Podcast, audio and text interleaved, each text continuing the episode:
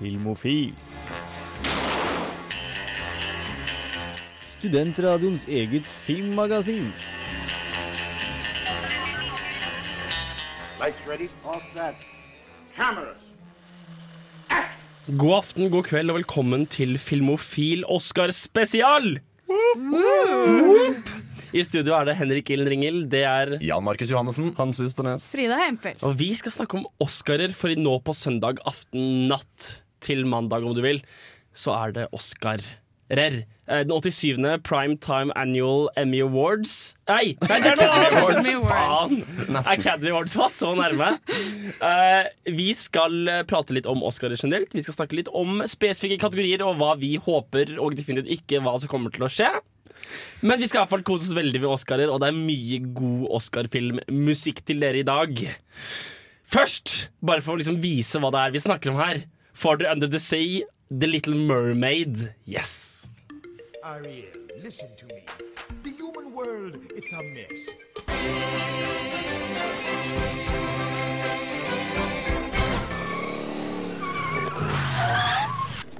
My calculations are correct. When this baby hits 88 miles per hour, you're gonna see some serious shit. Du hører på Filmofil på Radio Revolt. What did I tell you? 88 miles per hour! Og før vi liksom stuper inn i Oscarer, så skal dere få en liten forsmak på filmmusikken til etterpå. Uh, vi skal snakke om siden sist. Hva har vi gjort siden sist? Jeg har hovedsakelig har sett Oscar-film. Hans, hva har du gjort siden sist? Eh, siden sist så har jeg eh, fulgt med på litt TV-serier. Jeg har sett eh, nye episoder fra annet eh, Broad City, som er kjempegøy. Mm. Eh, Brooklyn 99 eh, har kommet med en eh, ny sesong, Ja. som er kjempegøy. De er i gang. Og så har jeg sett en dødskul actionfilm som heter eh, Everly. Som er eh, Jeg hadde ikke hørt om han før eh, Moviebob snakket om han på eh, Escapist Movies. Men det er altså en actionfilm med hun der, der, der Ja, er hun, ja? hun, hun der spanske slash meksikanske slash Ja, det stemmer det. Jeg hørte dem snakke om det på Slash filmpodkast. Men den er Hun dritkul. heter, uh, hun heter noe Sel Sel Selma Hayek. Ja! Hun. Og det er da en film hvor en eller annen dame blir satt en pris på hodet sitt av en eller annen crime boss hun Ja. har slått opp med. Altså, altså Greien er at hun er en litt sånn eh, sexslaveaktig greie i liksom Yakuzaen eller et eller annet sånn. Og så er clouet at hun får nok og dreper en gjeng av dem. Og da sier han eh, sjefen i mafiaen sånn Yo, eh, du er død, bitch. Jeg har satt en pris på hodet ditt. Så alle i liksom hotellet hun har bodd i de siste fire årene, og de andre horene som holder til der og sånn Det er litt som John Wick aldri hadde forlatt uh, hotellet han bodde i. Ja, ikke sant? Eller som uh, The Raid, bare motsatt. At eh, de var i det høyblokken på toppen hele tiden. Men det er sånn single location-film. Ja, Er det bra? da- Han er, han er dødsbra laget. Ja, men, ja, men det, er, det, det er skikkelig sånn oppfinnsom action. Hvor, hvor du bare sånn faktisk blir litt sånn Hei, så kult faen at du fant på det! Og, og, og det er liksom Det er lagd med liksom fantasi og inspirasjon, og jeg, jeg syns det er godt håndverk, rett og slett. Ja. Uh, Frida Sveen Hempel, har du sett noe film eller noe i det siste? Ja, ja det har jeg. Uh, jeg har sett Å, jeg så en film som heter All That Jazz. som hva er det for noe? var Åh, den er bra, er det? Den er. You know this? It's fucking good! Det er, um, det er en film laget av Bob Fosse, som også har laget Kabaret, som jeg har snakket om. Er det broren til Jon? Nei, jeg tipper at han ikke er norsk. Men han, er, han var egentlig en danser som ble koreograf, som deretter begynte å lage mye musikaler og mye sånne, sånne type filmer. Og dette her er hans selvbiografi. Og den, han har bare tatt alt som er av glitter og stilige greier med musikaler, og så har han brukt det til å fortelle om hvordan en overarbeidet koreograf dealer med å prøve å dø. Alt i musikalen! Og det er så kult! Men altså, jeg synes det sånt er veldig interessant For eksempel eh, John Wick er jo regissert av to karer som opprinnelig var stuntmenn. Men som ble filmskapere. Og du har filmer som The Raid, hvor uh, skuespillerne egentlig ikke er skuespillere, men kampsporteksperter. Føler du på en måte det har f hatt en betydning på kabaret? Uh, Eller nei, faen, All That Jazz. At han fyren som lagde den, var danser før? Ja! Å ja! Og, og det er på en måte Det er danse... sekvenser der som er så utrolig oppfinnsomme. Da. Det, er, det er akkurat det der du merker sånn her, er det ikke, her har de ikke fått inn sånn en sidemann som kunne gjøre litt dansegreier. Her er det en som virkelig, virkelig kan koreografere. Jeg så også etterpå et filmklipp av han som var sånn Man fikk ikke vite hvem det var, men det bare sto at i denne forestillingen så er det tre par som danser. En av dem er han, og du kommer til å se hvem det er. Fordi han på en måte, når han kommer inn, så bare revolusjonerer han dans. Og det var akkurat sånn det var. Og hele denne filmen er så bygget opp på det at nå, Det er også den deilige greia at når han sier sånn oh, dette her er en legendarisk koreograf, så kan du tenke sånn hm, det skjønner jeg, for det var dritkul dans. Det var ikke liksom bare showaktig. Men ja, nei, den virkelig, virkelig fin film om veldig håndverket, da. Og om hvordan det er å leve med showbusiness og alt sånn. All that jazz. All that jazz. Yummy. Jeg har sett eh, Siden sist så har jeg bincha på to sesonger med An Idiot Abroad. Ja. Som er uh, en fantastisk sjarmerende serie. Har du lyst til å intro det for vår lytter? Ja, det er jo en, eh, en serie om Carl Pilkington som eh, blir sendt ut i verden av Ricky Gervais. Og Eh, han der andre duden. Ja, akkurat Ja, og han andre. And that other guy. Mm. Fra som, nylig aktuell i Hello Ladies. Eller aktuell og aktuell. Ja. Ser ut som han har drept noen, Ja. men uh, Og Ricky. Gervais så ut som han hadde spist noen. Men han, han har blitt veldig Hollywoodet nå i det siste. Han er young, young and fit and, uh, and uh, ripped. Mm. Han har blitt betraktet tynnere. Folk mente han ble slemmere også, som en konsekvens av dette. Om det er mulig. Men i hvert fall, eh, Carl Prinkenton er en uh, mann i sent 30-årene som er en typisk uh, litt konservativ, eller ganske konservativ arbeiderklassebrite. Som sendes da ut i verden uh, i sesong én for å se de syv underverkene, og i sesong to for å liksom gjøre ting på en bucketlist. Um, som folk har Sånne ting som hoppe i fallskjerm og eh, se gorillaer og sånne ting. Og det eneste han vil, er egentlig bare være hjemme. I liksom eh, Besøke foreldrene sine på landet i Wales. chille, liksom. Og drikke te og spise fish and chips. Så det er veldig veldig morsomt å se han gjøre drømmer som andre har, men som han ikke har lyst til selv. og det, det blir veldig, veldig morsomt liksom, når han går opp på toppen av eh, Kilimanjaro og ser liksom ja, det er en fin utsikt, og sånn, men jeg føler meg som dritt. Jeg skulle ønske jeg ikke hadde gått opp her. Men det er jo litt fascinerende med han, fordi man kommer inn og forventer sånn Å, han skal være veldig, veldig negativ, og det kommer til å være morsomt. Men han har jo noen sånne yeah. ganger hvor han kommer sånn skikkelig sånn simpel eh, insight. Sånn Derfor han skal gå og se på Petra, den nydelige byen. Ja. Og han er sånn Her ville jeg ikke bodd. Jeg ville jo bodd på andre siden, så jeg kunne se på det som var pent. Og så går han på andre siden og finner seg en hule og sitter og ser på Petra. Og det er jo på en måte noe utrolig flott med hele fyren. Ja, for Han har en veldig sånn jordnær, skråstek, idiotisk blikk, syn på, på livet. Og det har han jo også i The Ricky Gervais Show, som bare handlet om å latterliggjøre Carl Pilkington. Jeg syns liksom aldri det føles som han er påtatt sur og negativ. At, at, på en på en måte Grunnen til at han sier de tingene han sier, er fordi han faktisk mener det, og det er en ting folk faktisk mener. Al altså Folk som ikke er liksom 19 år gamle utvekslingsstudenter som skal finne seg sjøl i Sør-Amerika. Han har funnet seg selv, han. Han har funnet seg selv, han har Han er en snekker fra Wales. Han, han har jo noen fine sånn YouTube-snutter hvor han liksom svarer på spørsmål fra lytterne. Og, og da er han jævla ærlig med ting. For eksempel er det noen som har spurt han Hvorfor har ikke du unger. Han var sånn Fordi jeg overhodet ikke er i stand til å ta vare på et menneske. Og han, han er liksom bare veldig sånn Han har skjønt seg sjøl, han har skjønt sin greie. Og han virker, selv om han er litt sånn sur og negativ ofte, så virker det som han er jævla selvsikker på seg sjøl og hva som er hans greie, liksom. Jeg har, uh, jeg har sett en del Oscar-filmer i det siste, selvfølgelig. Uh, jeg har også sett et par science fiction-filmer, for jeg lagde meg en science fiction must watch-liste her om dagen. Øh, så jeg har sett Europa Report, som handler om noen folk som prøver å dra til Europa som er en måned til Jupiter. Og det er en film som fanger den science fiction-greia med å være ensom in, in space. Øh, ganske bra. Ja. Altså Det jeg har hørt om den månen, er at det der det kanskje finnes vann eller is. Ja, Det stemmer. Det er, er, det er, en, det er, det er den, er den planet, uh, geoiden, på en måte i vårt solsystem som er mest aktuell for, uh, for at det finnes uh, utenomjordisk liv. Eh, så det er greia, de drar dit, og det går til helvete. Men, men den, den filmen fanger den ensomheten og den der greia med å være 19 måneder, fem stykker inn i en kapsel. Veldig bra. Litt som, eh, Litt som boken 'Gateway', hvis noen har lest den. Som er veldig, veldig deilig science fiction-bok. Uh, og så la, så jeg en annen, en annen science fiction-film som, som heter 'Monsters'.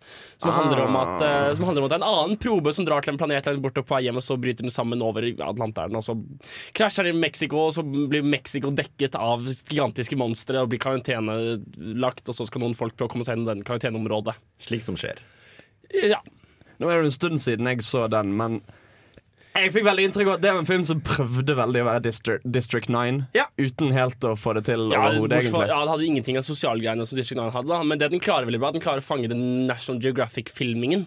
Mm. Veldig fint, så Du får veldig følelse av naturen og veldig følelse av på en måte, området. Det er filmet veldig som National Geographic. Plikk, pikk, pikk. Uh, uh, men altså, slutten er jo latterlig. Og det, er, det, er, det er ikke en veldig bra film, men det var en veldig flott film å se på storskjerm. Liksom. Det var en veldig var vakker film. Ja, det kan Og så er jo altså Duden er troverdig, og dama er vakker. Altså, det er jo helt grei underholdning. Mm. Hvis du går før slutten. Og en film jeg vet vi begge har sett siden sist, eh, Henrik, det er jo Nightcrawler, som går på kino nå. Det, og den så jeg, den var jeg ferdig å se for et par timer siden. Den var jo utrolig bra. Den må vi komme tilbake til. Jeg tror den er nominert til flere ting, eh, så den må vi komme tilbake til. Det var jo en eh, helt vill film. I tillegg har jeg fortsatt å se på Sonic Highways. Og vi er, apropos musikkfilm siste uke, så er det veldig vilt hvor mye musikken påvirker hvor mye jeg liker episodene. Det var en episode om Washington DC. Som bare handlet om punk og, og, og go-go, og det var, det var en kjedelig episode, altså. Å, herregud! Ja, nei, men uh, dere skal nå få en annen uh, klassisk uh, Oscar-snubb-låt, for det er det vi skal snakke om etter låta. Og låta dere får, er 'Everything Is Awesome' fra The Lego Movie.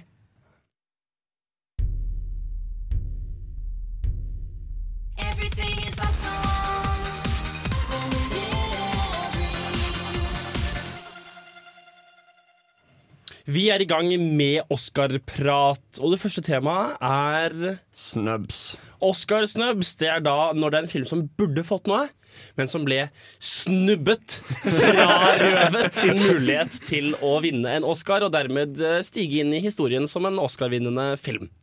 Ikke bare mulighet, det er jo også nominerte som, ikke, som blir slått av en uverdig eh, film. Husker man de nominerte? Ja. Gjør man det? Ja å, ja.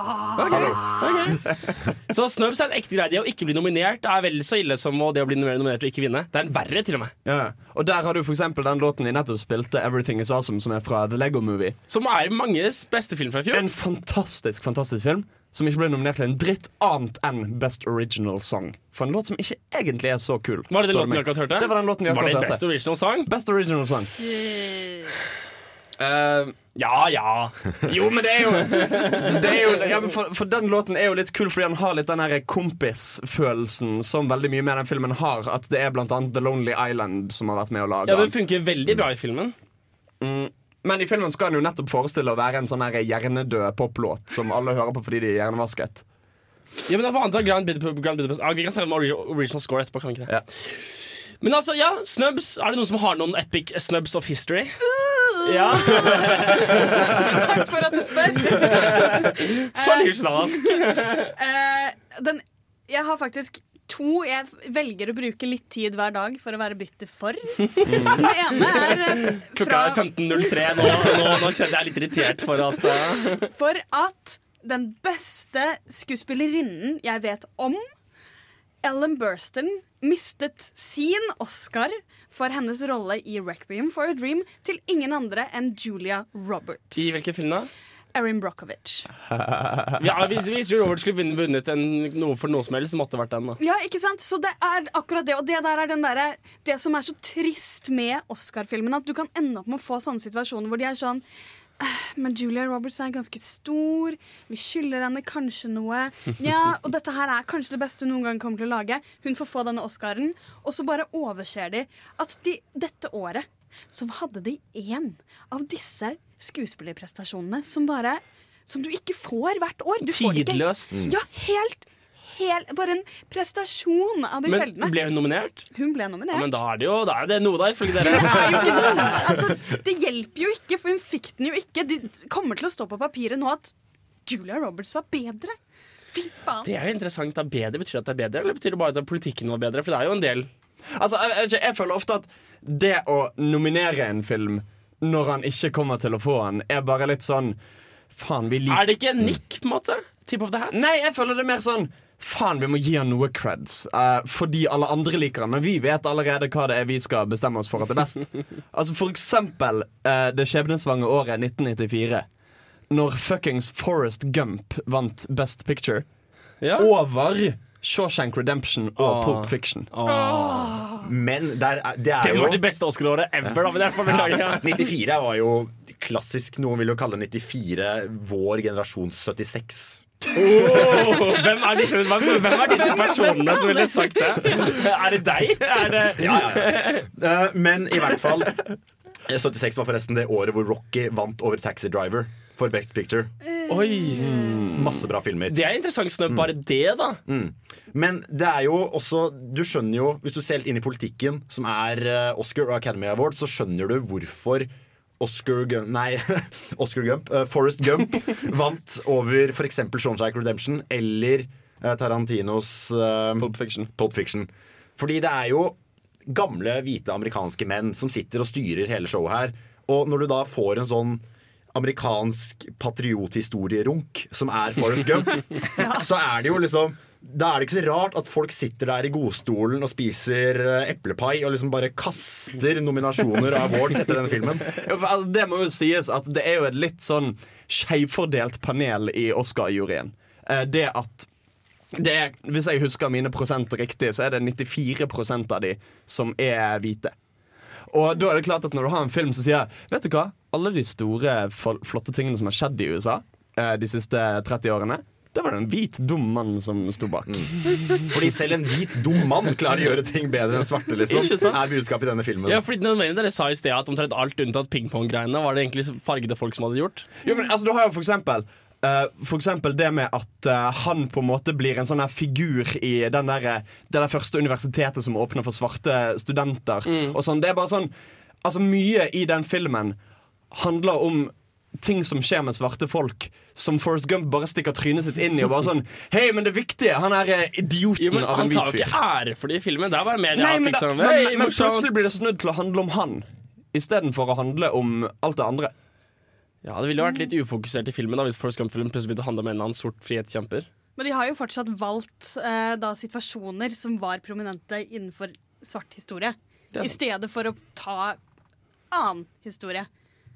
Men, eh, men jeg vil bare også bare nevne en veldig viktig snubb vi fikk i fjor. Og det var Og det var jeg, bare, Ok, jeg, jeg velger å legge opp litt forhistorie. Jeg veddet med en venn av meg om Oscar. Han vant, eh, veddet Grav Gravity på alt, som den luringen av New og Ah, vant på det. Men én kategori tok vi ut fordi vi bare var sånn Det er ikke noe spørsmål. Kom igjen. Act of Killing kommer til å vinne. Vant Act of Killing, dere? Nå kan dere gjette. Jeg gjetter nei. Nei. Riktig! Du har måttet bygge det opp. Og den taper til en litt sånn tullete film om som heter 20 Feet, of, Feet From Stardom, som handler om bakgrunnssangere. Så det er sånn American Dream, sånn I'm, I'm gonna be big, ma. Og så klarer de å overse en av de viktigste filmene vi har hatt det siste tiåret. Nå, vet- nå merker jeg at jeg ofte sier at filmer er de viktigste det siste tiåret, men Act of Killing var det. Kom igjen. Ja. Det er så trist. Det, det er sånn måte de bare klarer å gjøre seg selv mindre relevante på. Okay. Men det er jo interessant hvordan vi da på en måte tenker at det var liksom den største mm, forbrytelsen gjort mot Act of Killing, var at den ikke vant en Oscar. Og det, er alltid, det er på en måte interessant som en bakgrunn til hvorfor vi snakker om Oscar i en hel sending. Hvorfor bryr vi oss så hardt om en utdeling som er såpass på en måte feilbar og såpass politisk og såpass amerikansk? Jo, det er jo fordi denne industrien legger så mye vekt i det. Det er liksom Hver gang noen introduserer, så er det sånn Oh, he's, this a three-time Oscar award winner. Og så sånn, OK, da bytter Oscar åpenbart noe, da. Og det er jo fortsatt den store. Al altså Det finnes så mange andre uh, sånn award-greier, og for liksom alle guildsene for alt det hver liksom lille tekniske ting i Ja, film. altså- Men Oscar er liksom den ene store som liksom alle Det er liksom de fire store. Det er Emmy, Grammys, Oscar og Tonys. Er det ikke det som liksom er greia? Er, du har EGOT-vinnere. Liksom, mm. Det finnes sånn fire-fem EGOT-vinnere gjennom tidene. Folk som har vunnet alle fire. Ja. Så det er liksom Oscar er liksom den store eh, kinofilmtingen, liksom. Så mainstream som du får det. Det er jo det basically er det. jo det at de, de tar for seg sånn vanlige filmer, skulle jeg si. Sånn, Som går på kino overalt, og som alle ser. på en måte Til motsetning fra liksom, de mer sånn festivalgreiene. Sånn, Cannes, så, og- og Sundance og sånn. Som går for, på litt mer sånn indie-greier. Litt mer sånn Uh, i hermetegn Og finkulturfilmer. feirer på en måte mer en måte, nyskapning og kunst mer enn hva som ender opp på the silver screen. Og der er jo, kan ligge jo ganske langt foran uh, Oscarene på å kunne altså, anbefale kvalitet. da Fordi hvis det vant Gullpalmen, så kan jeg nesten garantere at det er verdt å se. Altså, for, altså hvor, mange, hvor mange Oscar vant Shawshank Redemption? Det var, det var ikke så mange. Nei, det var ikke så mange. Og hvor mange, hvor mange Oscarer vant, uh, vant Lord of the Rings? eh, Elleve. Ja, Altså atter en konge. Atter en konge vant 11. Det var samtlige Oscarer. Ja, al altså Han var nominert i el- elleve kategorier og vant alle. Og Titanic vant 11. Titanic er ikke så bra. Det er en storfilm. På samme måte som Lord Rings er en storfilm. stor film. Det er stort, og de er sånn yeah! Det, her var det mange folk som var med. Vi må nesten gi dem en liten medalje. Men ak akkurat så lurer på om det er noe som henger igjen. Fordi at før i tiden så var det jo sånn at ehm, Best Picture var ikke en pris i Oscar. Opprinnelig så var det uh, Most Outstanding Film.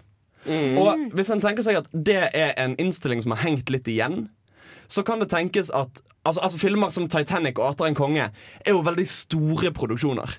Eh, hvor de har fått til veldig masse med teknikk. Altså, altså for eksempel Bare se på alt arbeidet i Ringenes herre-filmene som ble lagt inn i å painstakingly lage hver lille bit av rustning til alle for hånd. Eller lage hele Hobbitun. Ja, sant. Faktisk.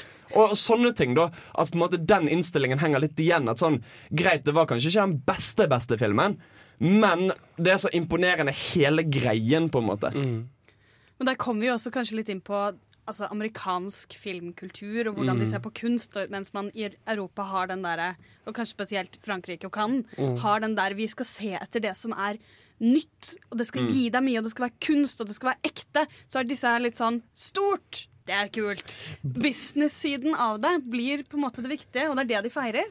Jeg tenkte litt, litt Apropos det med at uh, liksom Hollywood ikke ser så mye på kunst. Jeg så en helt nydelig shortfilm som het Paperman, som Disney laget i forbindelse med en eller annen film. Jeg husker ikke hvilken Ja, film det den var. med papirflyene? Ja, det, Hvilken film var det til?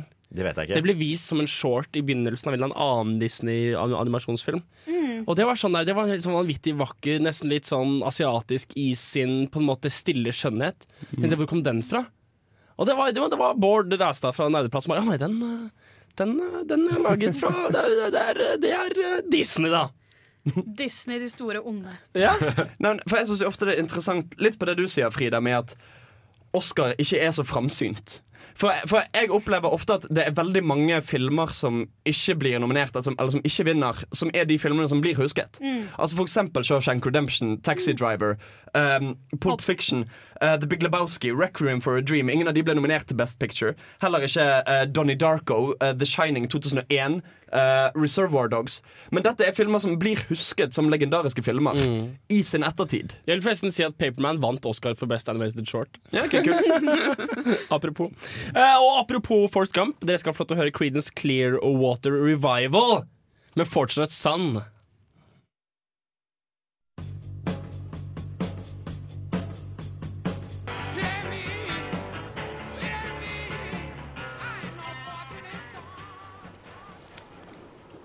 Hva hører du på? Nei, det er litt sånn spesielt. Jeg tror ikke det er noe du har hørt om, egentlig. Å ja. Test meg ut, da. Ok. Filmofil. Faen, mann, det er jo en klassiker. Satan, har du hørt det? Jeg skal ha hørt om det. Så, eh, Worst Snubs har vi dekket. Hva med minst fortjente? Hans? Eh, altså, det, Dette er ikke Best Picture, men en ting som slo meg veldig, var at apropos Best Original Song Et år så vant faktisk Stevie Wonder den prisen for fi- eh, en sang han skrev til filmen eh, The Woman in Red. Okay. Sangen var I Just Called To Say I Love You. Er dette veldig å hoppe Hvorfor er dette så For viktig? det, det er universets største drittlåt. Eh, det er heismusikk. Det er sånn du hører på panfløyte på en samleplate du får kjøpt på en bensinstasjon. Back in black, no remastered og covret på panfløyte. Ikke sant? Det er en så enorm drittlåt, og det er kanskje den dårligste låten Stevie Wonder har skrevet i hele sin karriere. Men er det sånn tilfelle av Stevie Wonder er Stevie Wonder og bør vinne Oscar for Ja, låt-type ting? Jeg tror det, så Sånn sett kan du si det var fortjent. Kanskje det var et dårlig eksempel. En annen film som har eh, Eller en annen eh, premie som stakk av i 2004, var Best Picture. Eh, for filmen Crash. Og Crash er, har jeg oppsummert som en 14-årings Facebook-status av en film. Det er sånn One like, one prayer, stop racism now. Men den er så overtydelig og bare blunt at man skjønner liksom OK, den vant, den vant Oscar fordi rasisme er slemt. Og så bare øh, Hva? Jo, men det er jo akkurat det. De har jo Å, dette her er en lur film. Jeg tror ikke den var ment å lage, være bra. De har bare puttet inn nok ting som de der kan være sånn Å ja, det er rasisme, ja. Å ja, og alle er med på det. Jeg skjønner nå. Jeg skjønner veldig godt. De har på en måte bare konstruert en film for ureflekterte, dumme, dumme, dumme mennesker. Og, og det er jo veldig sånn Kan ikke vi si at rasisme er alle sin feil? Ja. Hva handler Crash om igjen? Det handler om en eh, gjeng eh, mennesker av forskjellige etnisiteter og hudfarger. eh, og hvordan deres hverdag henger litt sammen, sånn direkte og indirekte. Og hvordan alle på sin måte er rasister eller ofre for rasisme og sånne ting. Ja, fordi det er på en måte Det er veldig vakkert gjort da I det der at Hver gang du ser en person bli behandlet dårlig Så ser du litt etterpå At den er også med på det Den kan også behandle andre dårlig Så det er ikke sånn at Og det er også noe med det der Og det er noe veldig i den filmen Den Rasisme er ikke hvite folk sin feil det er alle sin feil. Og da sitter denne, hele denne Academy Awards og er sånn Yes! Vi slipper unna! Samtidig som da komiteen kan liksom si Hei! Film om rasisme! Vi ga deg best Check these picture! guys. Er ikke vi flotte? Men, øh, men øh, andre, andre worst wins, Hans? Altså, Jeg har en film som har irritert meg at vunnet. Ikke fordi filmen i seg selv nødvendigvis er så dårlig, men pga. hvem han vant over. Filmen er Chicago. Um, Ja. som er Det er han, der, det er han duden fra, fra The Running Bride, eller hva faen den heter. Richard Gere.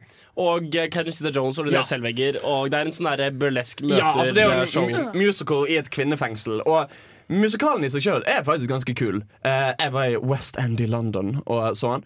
Og det var, det var ganske gøy. Filmen er ikke spesielt bra. Og den vant over Gangs of New York, Ringenes herre to tårn og Pianisten. Hva? Oi! Wow. Wow. wow. Ah. Hadde jeg vært Adrian Brody, så hadde jeg da ikke likt det året. altså Når du bokstavelig talt sulter deg selv for en rolle, og så kommer René Selvegger og bare Hoha! Og bare, Ja, så sultet seg selv for den rollen, da. Det er veldig det skal sies! men alle- det- Vi skal snakke sånn, så vil omtrent alle kvinner s- Ja, sulte seg så- omtrent samtlige filmer. Ikke det at det ikke teller av den grunn, da. Nå nå må vi være forsiktige. Nå må vi være forsiktige. Å nei, å nei. Og jeg, det er bare det, Ja. Chicago er en drittfilm. ass. Ja, det er Og jeg liker musikaler skikkelig godt. Sant? Og den, bare, den er grunnen til at folk ikke vil være med meg og se musikaler. Vet du hva, den OK, jeg, nå begynte jeg å miste Oscaren. Fuck Chicago. Fuck Chicago. Jeg synes jo, bare- Dennis Tvill vil avbryte etter hvert som alle bare «Nei, Fuck, fuck Oscar, da! Du, Vi må avbryte denne sendingen, for vi skal gå og drepe Catherine Zeta-Jones. Vi skal finne alle Oscar-vinnere vi ikke liker, og så drite på dem, og så maile det inn til The Academy. En eh, annen eh, som vant Best Supporting Actor. Hvor mange setninger skal du begynne denne sendingen med en annen film? Som uh... Tommy Lee Jones vant uh, i The for The Fugitive Best Supporting Actor. Og han spiller jo den rollen han alltid spiller, som er sånn noe stoisk uh, sørlending. eller uh, søramerikaner. som liksom går rundt og er gammel mann. Og det er det han gjør. Men han vant den over Ralph Fiennes, som spiller han sinnssykt gærne nazien fra Schindlers liste. Oi. Wow! Og han vant ikke Best Supporting Actor. Noe som Jeg vet ikke om de folka som stemte på dette, tenkte at ja, men hvis, hvis vi sier at han vinner, så støtter vi jo nazi. Ja, ja, er det gal? Er du gal? Er det gal? Vi, hvis, hvis vi gir liksom anerkjennelse for å være ond, så kanskje folk begynner å skyte jøder på fritiden. Vi, vi kan ikke gå god for dette her. Da gir vi den til en eller annen politimann eh, som redder en kriminell. Hurra. Jeg er litt skuffa over at Gravity vant i fjor. Å ja, den vant jo alt. Fordi når, når du nevnte det i sted over at, liksom, du, at han bare tok Gravity på alt, og så bare øh, det, var, det, var, det var én ting var bra med denne filmen, det var George Clooney. Og ikke fordi han gjorde noe spesielt god jobb, men fordi jeg liker George Clooney. Altså, Visuelt sett var jo filmen fin. Ja, men den er opp mot Her, for eksempel. Som visuelt sett virkelig, virkelig På alle måter. klarte å lage en framtid som du virkelig trodde på. Så er det sånn Men dette er her i verdensrommet, det er mer flashy. Så bare må den vinne. Ja, for det, det var jo jævlig kult med Her. Den derre understatingen av alt. Mm. Det, var, det, var liksom, det var ikke sånn der eh, oh, det er flashing lights overalt. Og så gjorde den flere ting bra. Ja, sant Men, men, men det er det at altså, disse små mobiltelefontingene de har, ser så ekte ut som faktisk forbrukerteknologi som ville eksistert. Og Åh, det, er, det er en så fin Det er- film! Det er så god måte å gjennomføre sci-fi på. Når du ser det, og så sier du at ja, det er sånn det ville fungert. Ja, ikke sant? Istedenfor liksom wow, future. Men når vi er inne på, uh, på Her, så syns jeg altså, den klarer jo å vise noe som ofte skjer med veldig gode filmer, og det er jo at de får beste manus. Mm. Uh, spesielt beste originalmanus. da Her vant, Django vant. Altså, du, du har veldig mye mer at manusforfatterne Kanskje man skal gi litt creds til dem, fordi at de klarer å si men, men dette her var bra skrevet, dere. Dette her var ganske nyskapende. Og, og apropos George Clooney, The Descendants, som er en film jeg liker veldig godt, i 2011 vant jo den Best Writing. Adapted Screenplay. Så det er kanskje en greie at, at Best Picture er litt tull, og en del av de greiene er litt tull, men Best Writing mm. Dere skal få uh, You Got A Friend In Me. Eh, Hvilken film er det? Toy Story. Toy Story. Nei. Jo. Jo, Jo. selvfølgelig. Ja. Absolutt.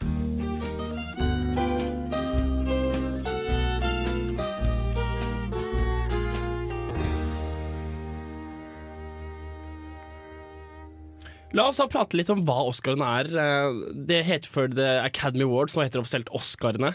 Eh, Det er jo ikke alt man vet helt nøyaktig alt hva greia er. Man ser på TV at nå har det vært en Oscar, og i fjor var det vel 77 millioner seere bare i eh, USA. Det er en veldig sånn, stor media-event. Vi har et litt morsomt sitat her fra Jim Carrey som jeg kan ta og spille av dere for dere. Bare apropos liksom, hva er Oscaren egentlig? And uh, lastly, I would like to MTV, especially the producer of this show, who uh, obviously had a real brainchild, you know, sat and thought, wow, I can get a lot of commercial coverage, sell a lot of time, if I could get a bunch of celebrities together in a room. I know, I'll give them an award, and if they don't show up, people will think they're ungrateful. It's perfect! Så det er da MTV, riktignok, men det er litt samme greia. La oss bare ta alle de, liksom, de mest kjente personene i verden og så få dem sammen i et rom, og så kan vi sende det på TV. Ja, for det startet jo i Den første Academy Awards var i 1929. Uh, og da, var det, da annonserte de vinnerne til media tre måneder før. Og det var liksom bare sånn samling og hent premien din og litt applaus, og det varte i et kvarter. Ja, akkurat, hvor du kunne eh, kjøpe billetter og sånne ting. Og det var ikke på TV. Det var ikke på TV. Uh, eh, så neste år etter det så begynte de da å annonsere vinneren på eh, under selve showet. Eh, og så begynte de da med under, på starten av 40-tallet med disse forseglede konvoluttene fordi nyhetene, avisene som ville være først ute, begynte å annonsere vinnerne før de faktisk ble annonsert Mm. på, på selve Det var en utdelingsseremoni, Ja. ikke en avsløringsseremoni. Liksom. Rett og slett. Eh, og så, i 1953, så begynte de å sende, dette, sende dette på TV. Og da begynte på en måte snøballen å rulle, og så ble det mer og mer show. eh, og folk Ja, du begynner med reklame, og det begynner å bli en svær greie som folk tjener penger på. Fordi det er altså Statuetten er en det er en eh, korstogridder eh, ridder som står med sverdet sitt rett ned, og han står oppå en sånn filmrull, en sånn klassisk eh, filmrull. Og eh, Det vel laget omtrent 50 stykker til årets eh, utdeling. Og Det er jo litt flere forskjellige. Det er ikke bare Oscar-aftenen. Det er jo en sånn der eh, Governors Award på forhånd. Og det er litt sånn der diverse sånn der tilhørende awards hvor det gis ut litt mindre uh, greier som holdes i et litt mindre ballrom. Og det blir liksom ikke like televised. da Mm. Og sånn som Er det ikke den derre eh, om uh, philanthropy? De har en eller annen sånn uh, human rights-greie som også er puttet i sånn Den natten ingen skal se på. Så de bare viser litt sånn Og så er det noen som vinner for at de er gode mennesker. Her Ja, ser vi det, ja, ja, det er jo The Academy Honor Award, The John The Jean Jean, Jean selvfølgelig, Hersholt Humanitarian Award, and The Irvin J. Thalbert Memorial Award. Som er et, et ting som blir delt ut på den Governance Awarden, som er jo på en måte personlige utmerkelser. da Men, men, men hvem blir de gitt til? Eh, Det er jo da andre priser som ikke blir sett på som viktige nok, så gjerne mindre stjerner. Ja, okay. Eh, og der har du også den tekniske. Folk som har funnet på lure tekniske ting som en eller annen Fancy Dolly eller noe sånt, Mm. får da prisene sine der. Men eh, bare Jeg syns det er litt viktig også Du sa jo yeah. eh, i stad at eh, 94% er hvite. Ja. Eh, det er ikke bare sånn. Det er 99, 99 er hvite, 77 er menn, Og 54% er over 60. Ja. Det er jo helt drøyt. Og du ser jo det samme på alle nominasjonene. Så er jo um, skal vi se, I år har vi jo 102 menn nominert og 25 kvinner. Uh, sånn uh, Gjennomsnittsalderen er 50 år. Og du har ni ikke-hvite Og årets, årets, årets yngste er Emma Stone, er ikke det? 24 år? Hvor gammel hun er? 26. 26 er hun er. Det er årets yngste. Selv om i fjor var det jo en jente som var kjempeung fra en av de en, Hun fra 12 Years a Slave. Ja. Som ikke husker hva heter. Hun var, hun var nominert, kom i sin lille barnekjole og var, eh, var liksom 14, eller hvor gammel hun var. Mener dere nå hun fra Beast of the Southern Wild? Det er det selvfølgelig. 12 Years a Slave Beats of Search statsfilm Eh, Så det, The Academy er jo da um, det er dignitaries, det er viktige folk i filmindustrien som enten nominer, blir nominert ved at de har nominasjon i Academies, eller de blir invitert av uh, styret i The Academy. Det er nå litt over 6000 medlemmer. Og de er da delt opp i forskjellige grupper. Da. Den største gruppen er da selvfølgelig uh, skuespillere, som er, utgjør 22 da. Stem, stemmer folk på sin egen gruppe? Altså Er det sånn at skuespillerne stemmer på Best Actor og sånn, og regissøren som er der, stemmer på Best regi? Det er et kjempegodt spørsmål, Hans. Eller stemmer sånn alle på alt? Det er et kjempegodt spørsmål. Nei, jeg vet ikke. Er det noen, er det noen ting som skal ve veldig viktig nevnes? Academy Animated Feature-film ble, ble introdusert som en kategori i 2001. Og i samtlige år frem til 2012 så var stuntkoreografi foreslått som en ting og ble aldri vedtatt. Så det er jo eh, litt som olympiaden, så blir det liksom innført og tatt vekk eh, kategorier etter hvert. Stumfilmkategorien ble jo tatt vekk for en, for en god eh, en s- eh, stund siden. Så den prøver til at vi skal følge med årene. Og lenge var det jo også oppdelt i fargefilm og svart-hvitt-film. Ja, at. De, at de skulle skilles. Og, det, og også lenge hadde jo den, det skillet som fortsatt brukes på Grammys, eh, som er at du skiller komedie og eh, ikke-tragedier. Eller melodrama. Altså ordentlig Ja, drama. Drama klassisk, klassisk teatrisk, teatralsk eh, skille mellom komedie og drama. Mm. Uh, det kan jo holdes på Dolby, det Dolby Theater i LA, og er en veldig sånn Hollywood quintessential Hollywood-greie. Sånn 500 fot lang rødt teppe, dekket av presse. Og det er en fashion-event, og det er liksom Det er, det er veldig glam, da. Det er veldig glam.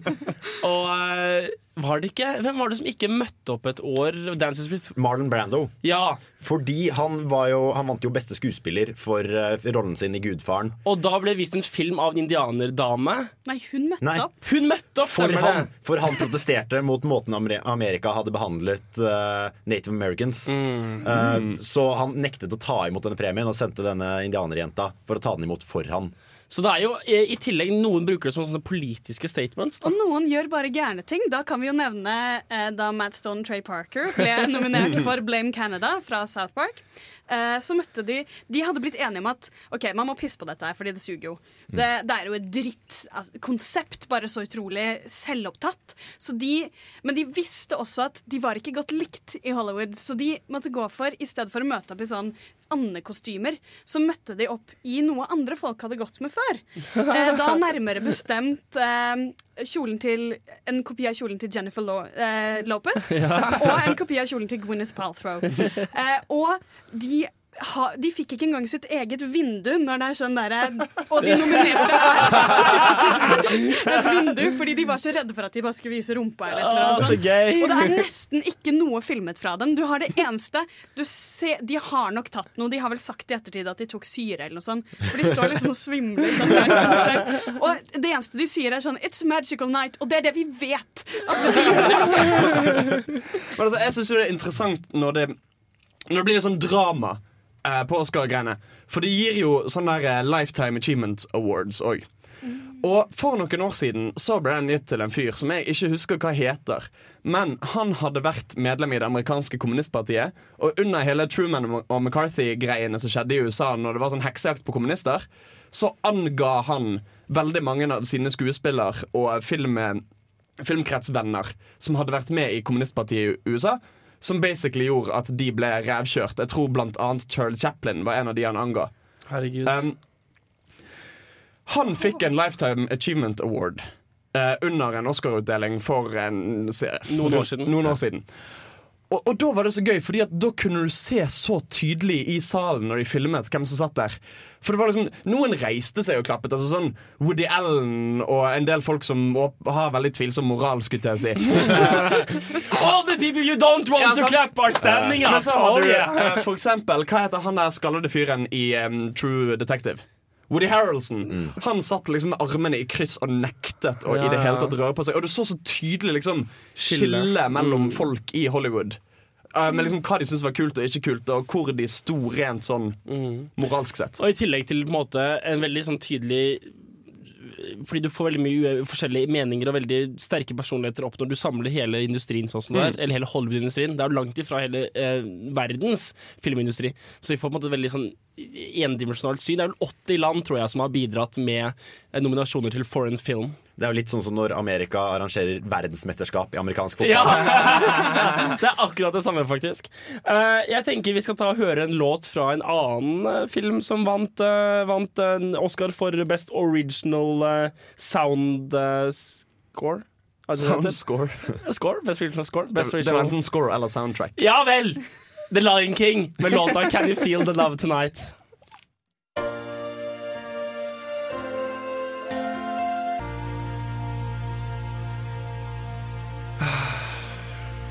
Mm. It's so good. Uh, birolle er første ting vi skal snakke om i dag, nemlig birolle. Det er en egen premie som gis for kvinnelig og en for mannlig birolle. Og de nominerte er Kom igjen, da! Alle sammen Kom igjen, da! samtidig. Best Supporting Actor. Der har vi Robert Duvall for uh, The Judge. Vi har Ethan Hawke for Boyhood. Vi har Edward Norton for Birdman or The Unexpected Virtue of Ignorance. Mark Ruffalo for Foxcatcher og Dave Schulter fra Nei. J.K. Simmons. Simmons. Ja, J.K. Simmons for, Whiplash. Whiplash. For Whiplash. Mm. Og kvinnelig birolle. Det var jeg som skulle Ja, lese den. Eh, Det blir jo Patricia pa, Pat, Patricia, Patricia Arquette, Arquette. Fra for Boyhood. Laura Dern for Wild. Keira Knightley for The Imitation Game. Emma Stone for Birdman. Eller Birdman. Den har en lengre tittel. Okay. Hvorfor gidder vi? Gidder ikke det hver gang. Og Meryl Streep for Into the Woods. Og eh, skal vi ta actor først, da, fordi actor er viktigst. Nei,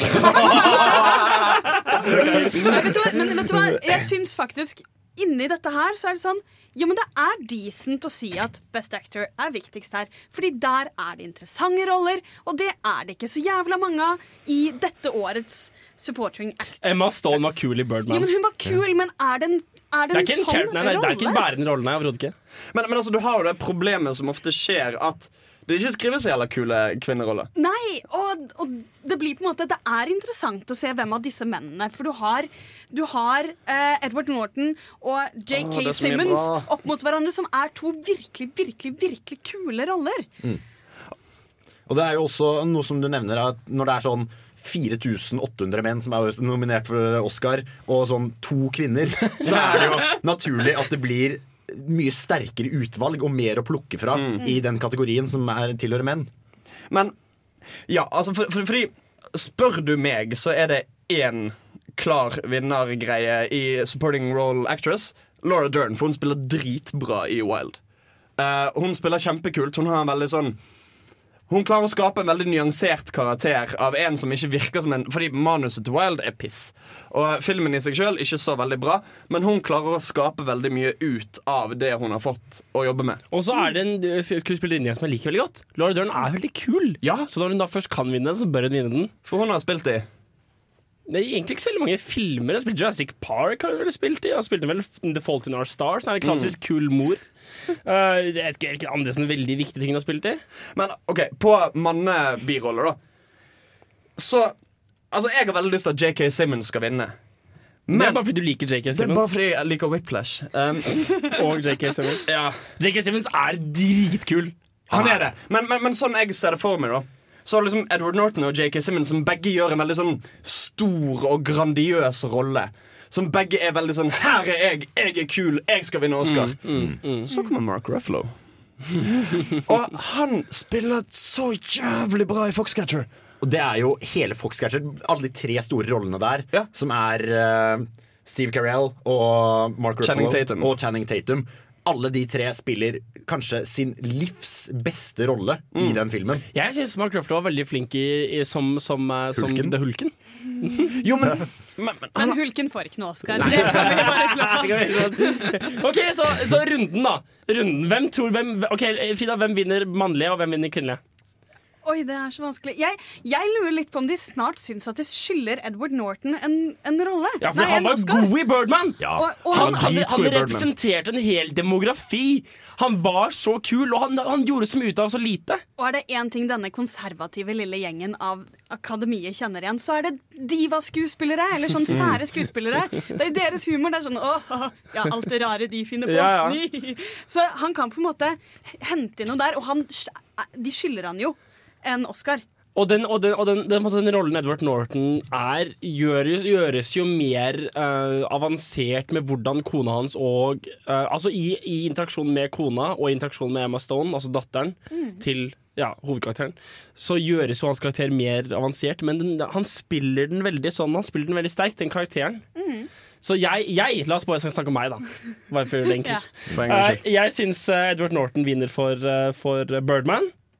Og jeg syns uh, Nei, jeg vet ikke. Jeg vet ikke. Jeg, jeg, er ikke, jeg, jeg vet ikke kvinnelig. Um, det var kult om Emma Stone vant, bare fordi hun har gjort så mange kule roller. Hun er ung, da.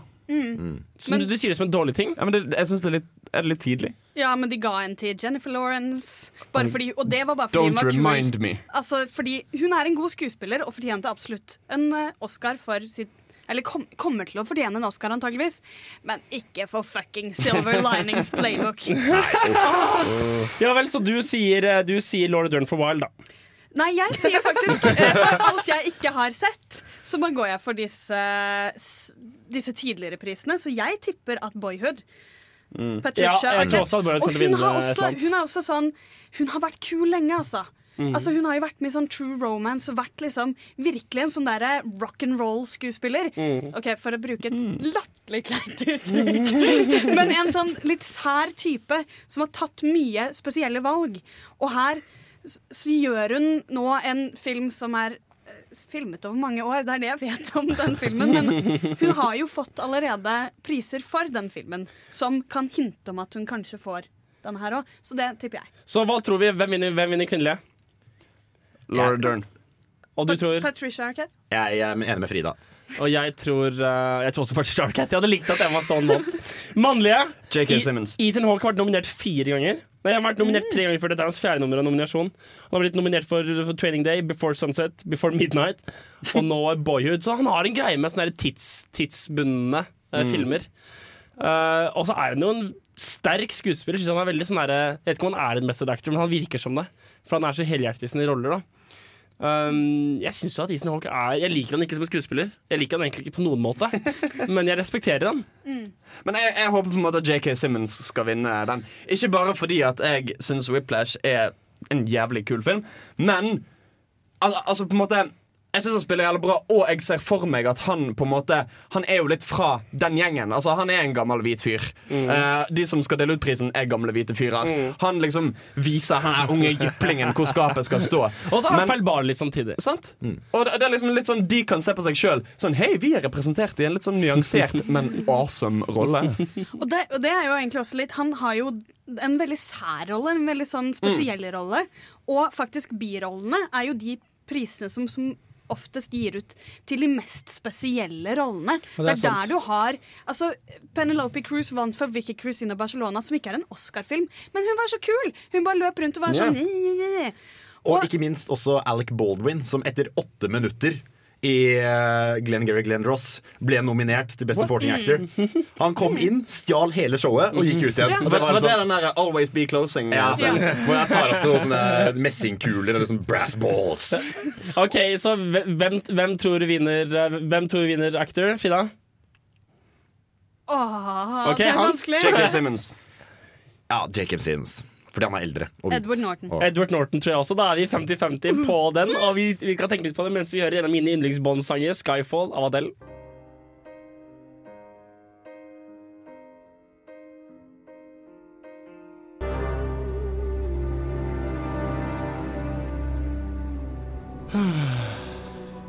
Jan Markus, hva er det for noe?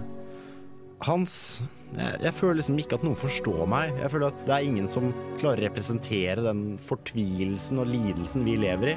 Er det sånn å forstå at du føler at det er ingen som har fanget vår tilværelse på en tilfredsstillende og genuin måte? Ja, Hans. Da har jeg gode nyheter til deg, Jan Markus. Og? For det er nettopp det vi skal snakke om i Filmofil sin sending om generasjonsfilm. Oi! Ja, du, der skal vi snakke om både 50-tallsgenerasjonen, 80-tallsgenerasjonen og vår helt egen generasjon. Men hvor finner jeg denne sendingen, da? Du, den kan du finne på dusken.no slash radio, eller på iTunes. Ja, men Da høres vi der, da. Det gjør vi, vet du. Og generasjonsfilm er jo da veldig passende. Fordi generasjonsfilm er jo en veldig stor greie i Oscarer. Ikke riktignok er det det vi skal prate om. Også ord. Riktignok er det ikke. Hva er det vi skal snakke om, Henrik? Vet du hva? Det er så utrolig tilfeldig at du skulle spørre. Vi skal snakke om mannlige hovedroller. Og de nominerte er Steve Carell for sin rolle i Foxcatcher. Benedict Cumberbatch for The Imitation Game. Bradley Cooper for American Sniper. Michael Redmayne. Keaton for Birdman. Eddie Redmayne for The Theory of Everything. Hvordan vil du gjøre dette her?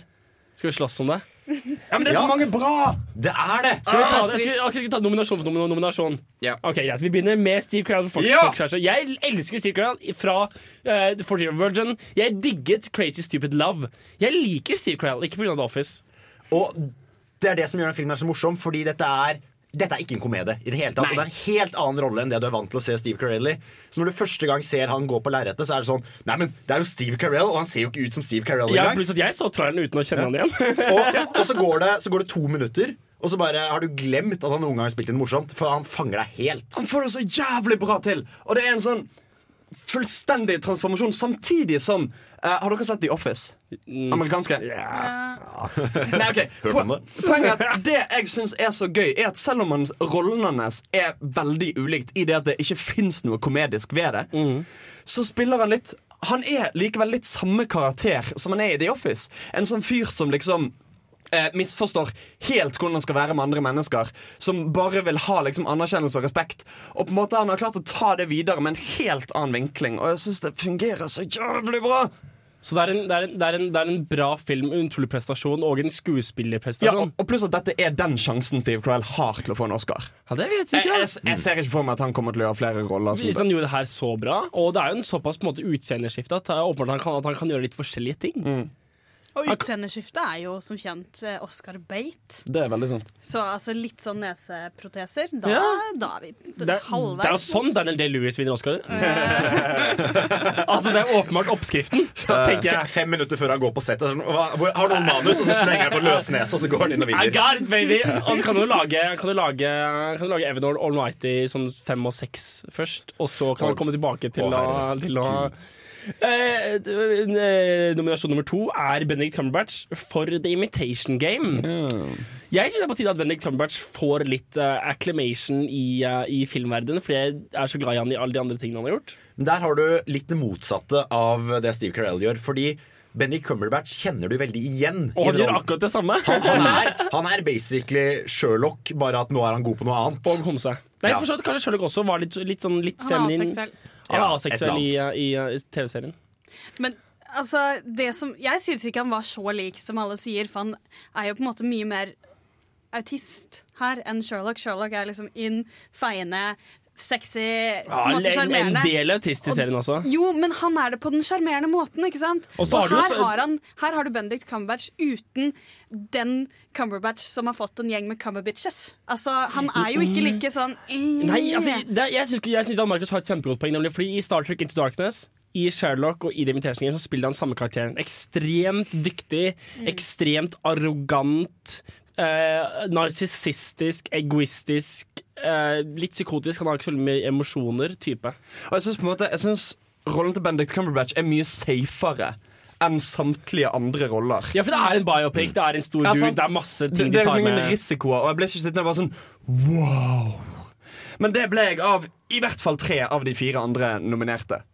Og det skal vel også sies at Benedict Cumberbatch er vel en av de her du sikrest kan si at han antageligvis får en ny sjanse. Men bør vi bry oss om det? Men vi Jeg tror bryr oss om at å, nei, det, her fortjener det egentlig, men de har en annen i Jeg tror Akademiet gjør det. Og han her er Han er jo hakket mer høykulturell. Han Mm. på måte er på teater, og han er Jeg tror, kan ikke se for meg at de er sånn Dette her er rollen du skal få noe for. Men det er interessant, for da kan vi smoothly gå over til Michael Keaton. Nei, det mente jeg ikke. Jo, å, det funker faktisk også. Michael Keaton i Birdman. Jeg hadde tenkt til å si Eddie Redmayne, for han er sånn britisk sånn teaterskuespiller. Mm. Men OK, ok, ok Michael Keaton, kjent fra øh, Toy Story 3, muligens, men i hvert fall et par Batman-filmer. Uh, mye som karakteren i filmen. Ikke en sånn, han er litt sånn falmende greie. Men en kul dude. Michael Keaton er en kul dude. Og han spiller denne rollen med en utrolig sårbarhet og liksom overbevisning og veldig troverdighet. Ja. Jeg så denne i går, og jeg syns Birdman var dritbra! Så enten Edward Norton eller Michael Keaton må vinne noe. Du har jo også Ja, jeg, jeg Har noen noe å si? Det er noe, det er noe veldig fint og med det at han får et comeback i den filmen her, og den er på en måte Amibi. Han har litt det samme som Steve Carell, uten at bare Mm. med en lang pause hvor han ikke har noe særlig filmer. Uh, det der at dette her var deg på nytt i noe helt nytt. Hvor han satser på noe, liksom. Mm. Og han gjør jo en veldig god rolle, men jeg kan ikke liksom Jeg merker at jeg ikke blir sånn wow, dette her var en sjelden skuespillerprestasjon. Ja, for det er litt det metakontekstuelle rundt filmen. Mm. Som at liksom Folk ser på den filmen og Men han gjør jo et comeback på ordentlig i tillegg til at han gjør det i filmen. Det, shit, kast Oscar på mannen! Kast Oscar på Og så likte jeg, var det, Apropos Birdman, vi kan egentlig komme tilbake til det når vi snakker om beste film. Hva var det du kalte det ordet vi lærte i forrige uke, hvor du ser musikken og skuespillerne hører musikken? Uh, diegetisk. Det var et par ganger hvor trommespilleren satt i et rom eller satt på Ja. gata, og jeg satt ved rommet og bare Yay! Ok, greit. Uh, uh, Eddie Redmayne i The Theory of Everything. Ja, altså Det er ekstremt troverdig overgang til Stephen Hawking og hele greia der. Og det, og det at han klarer å gjøre en så fysisk rolle uten at det overhodet føles som at han parodierer eller gjønner. For det kunne fort blitt sånn her jeg skulle til å si 'never go full retard'. Eh, ja, men, ja, men det, kunne, det kunne blitt veldig sånn Jeg skal være tilbakestående. Men han spiller det med selvrespekt. Ja, han gjør det så ekte. Altså Det ser så bra ut, og det er så godt gjort. Og så bærer de jo filmen, de to. Ja, ja.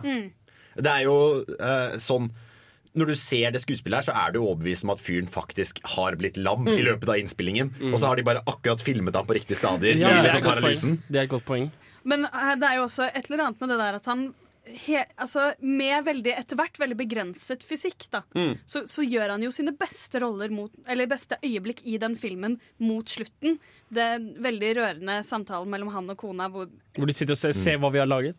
Nei, ikke den. Den tidligere, der hvor de mm, ja, der, ja, hvor de går Det er, det er lov til å spoile. bye, Det har bye. skjedd i virkeligheten, for Ja. faen. Der hvor de går fra hverandre. Bare Sånn, bare ansiktsuttrykkene hans som ikke forandrer seg så mye, men det er så mye følelser i det, og han har klart det så bra. Ja, han, gjør liksom, han gjør en fantastisk skuespillerprestasjon med sånn, å bare røre på øyenbrynene en millimeter. Du skjønner nesten ikke hva som har skjedd engang, men allikevel så skjønner du alt han prøver å si, bare ved å sitte i denne stolen her og så, så vidt bevege på seg. Og så gir også filmen deg plassen til å gjøre de, de tolkningene. Så filmen er på en måte godt lagt opp til hans prestasjon. Og det skal jo også sies at han har jo ikke bare liksom satt seg ned i en rullestol og fått lov til å bestemme hvordan det skal være. Vi vet alle hvordan Stephen Hawking ser ut, og han har jo kopiert en mann sitt eh, fysiske språk veldig Altså så bra. Og det er jo utrolig imponerende. Siste og minste, Bradley Cooper for American Sniper. Jeg liker Bradley Cooper. Jeg, jeg likte han òg i den rollen. Og jeg, jeg syns han er det beste med den filmen. Ja, At helt enig. for eksempel, altså det var en eh, det var en anmelder jeg følger på YouTube som heter Bobby Burns, som sa noe lurt. Han sa at American, filmen American Sniper sier ingenting om eh, posttraumatisk stressyndrom og problematikk rundt det å tjene i krig. Men skuespillet til Bradley Cooper sier noe om det. Og det, ja, men, ja, men det syns jeg er en god distinksjon òg. Jeg føler det er hans fortjeneste. Ja. Nei, men det er jeg helt enig i. Og, det, og, det er, og det, han skaper spenning bare ved seg selv i de scenene hvor han, liksom, hvor han har veldig personlige og isolerte øyeblikk med, med sitt våpen og sin, sitt offer. Og han liksom, skal jeg skyte, skal jeg skyte? Bare Legg den ned, vær så snill. Bare legg den ned, legg ned den granaten. Å, herregud. og, sitter, og det er, og det er liksom de definitivt beste delene med filmen. da De små stikkene av faktisk spenning. liksom Eh, Og så er han flink til å de- depiktere de to forskjellige hjemmekommende fedrene. Det er den omtenksomme tilstedeværende, og så er det den fraværende. Og så har du alltid den klassiske Oscar-Baton performance acting, hvor han da går opp eller ned i vekt Ja, ja. for å Ja, det er å sant. vinne. Han er jo så jævlig buff i den filmen. Han er jo nesten ikke til å kjenne igjen. OK, uh, avgjørende. Hvem, hva sier vi? Rask runde. Eddie Redmayne. Eddie Redmayne. Ja takk. Eh, Nei, vent, jeg må bestemme meg. Steve Carell. ah! Tension. Eh, ja, Eddie redmail Ja. Greit. Dere får uh, BJ Thomas med 'Raindrops Keep Falling On My Head' fra det fra Eh, Butch Cassidy and The Sundance Kid.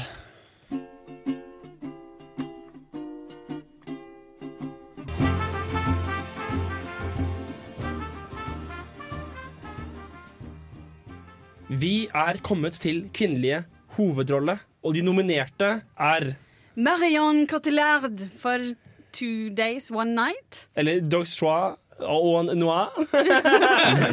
Nailed it! Reece Witherspoon for Wild.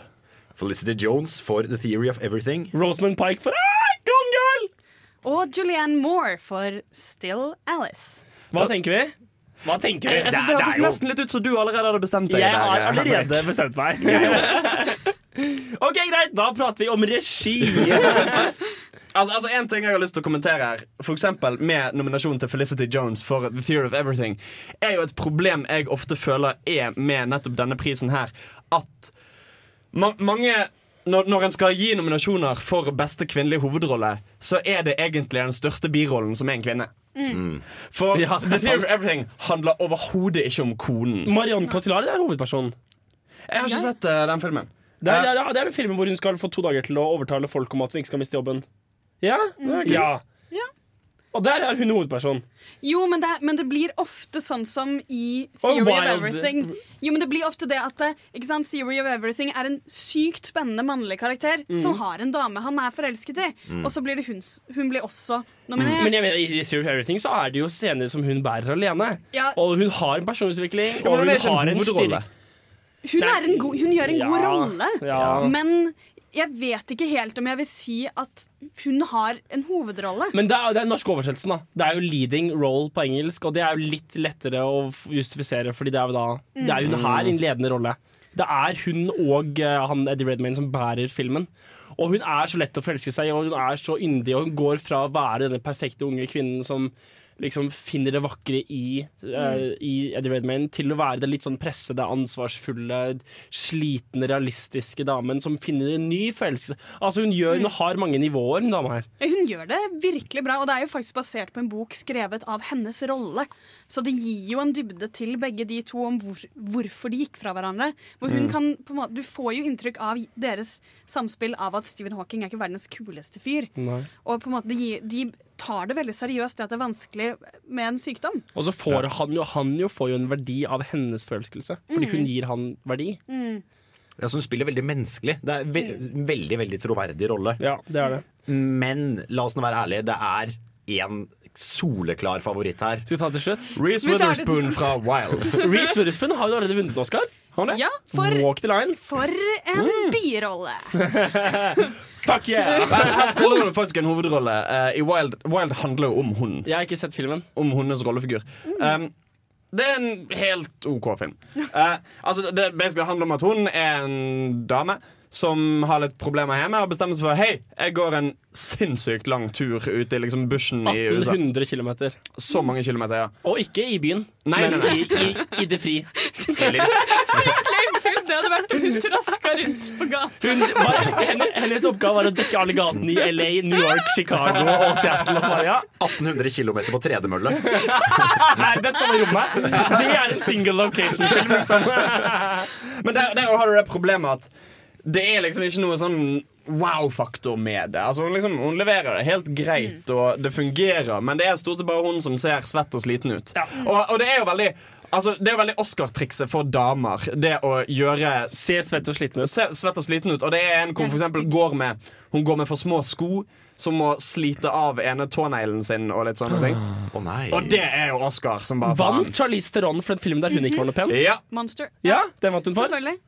Hun er jo, var jo ikke noe pen. Hun må jo ha liksom gitt opp sitt innerste selv. Absolutt. Så det er jo på en måte det hun kan bli aktuell med. La da, hvis la oss gå videre til Julianne Moore for Still Alice. Jeg digger Julianne Moore. Julianne Moore er så kul, og hun har blitt nominert. Dette er den femte Oscar hun har blitt nominert for, og hun har ikke vunnet ennå. Hmm. Og, og var det ikke hun som Jo, hun spilte i den der um, uh, No Chill- nei. nei. den der eh, por pornofilmen. Don, Don John. Don John. Hun spilte Don John. Hun er den voksne love interesten til Joseph Gordon-Lewitt i Don John. Og det er bare så hun er, jeg, jeg, Julianne Moore er veldig kul. Jeg liker henne veldig godt. jeg, jeg har ikke sett Still Alice, da, for den kommer vel denne uken. Men hun, har, hun får jo Alzheimers, og det er jo eh, sykdom, så der kan man lure seg inn. Men der blir det jo på en måte Hun kan jo uansett gå som den. Hun har alltid vært interessant. Ja. Mm. Hun vil alltid på en måte Hun bærer filmer uansett. Hun, hun er litt som Emma Thompson og hun eh, som har vunnet alle. Meryl Streep. Litt som de to. Hun Ja. kommer bare til å bli sterkere. Ja, ikke sant. Mm. uh, og sist, men ikke minst Nei, vi eh, har ikke nevnt Marion Cotillard. Vi begynte med den. Ah, ok, Å, ja, vi dekket, vi dekket Okay, det var kanskje det vi Det er skulle si. sett den.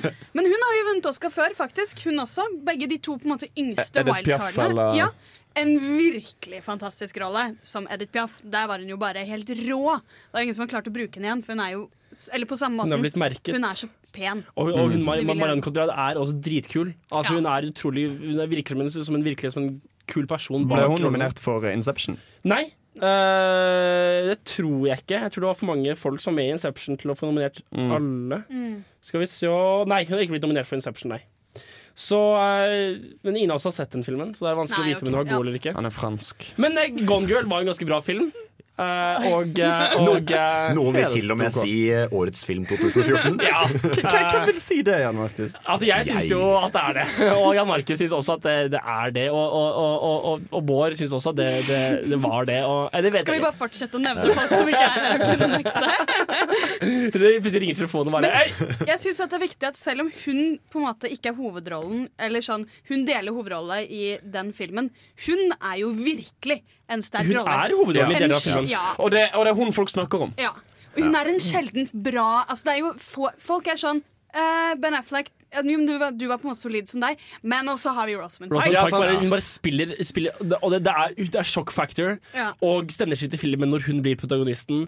Og det bare å, det spilles så sykt bra. Du kan se liksom, Når du først oppdager liksom, psykosen der, så bare ser du den hele tida. Selv om du raker det samme som altså, Og nettopp det at hun er en så kul kvinnerolle òg. Ja, ja, ja. Altså, altså verken liksom ikke, ikke sånn helt demonisert, ikke helt uskyldig, ikke bare et virkemiddel for mannen. Det er liksom en faktisk selvstendig og sterk kvinnerolle som kan ha feil og oppføre seg på umoralske måter Mm. og være ufeministisk Mm. og være bitch. Og så er det, det er en troverdig rolle. Ja, Det er en skikkelig troverdig rolle. Du forstår virkelig altså, Det er ingen motsetninger. Du ser virkelig hvorfor hun var den som ble fremstilt på i begynnelsen. Og selv om vi vet jo ikke om hun var det, for det var bare det hun hadde skrevet i de fake Ja, uansett! Ok, greit, men eh, det er, det er, det er gjennomsydd troverdig. Det, hun som skrev boka den filmen er basert på, hun har jo uttalt Gillian Flynn. Mm. Hun har sagt at uh, den, Fordi den har fått litt kritikk for å være sånn men's right activist-type yeah. drømmescenario med denne type karakteren. Men hun har sagt nei, men jeg har lyst til å snakke om kvinnelig eh, vold. Altså Mm. kvinnelig voldelighet. Mm. For hun, det ingen som, hun mener ikke at dette her er en superfin dame, men det der å kunne ha kvinnelige antagonister og på en måte ha en skikkelig eh, kompleks historie rundt hennes voldelighet, og det tror jeg kanskje er det som kan komme til å felle henne.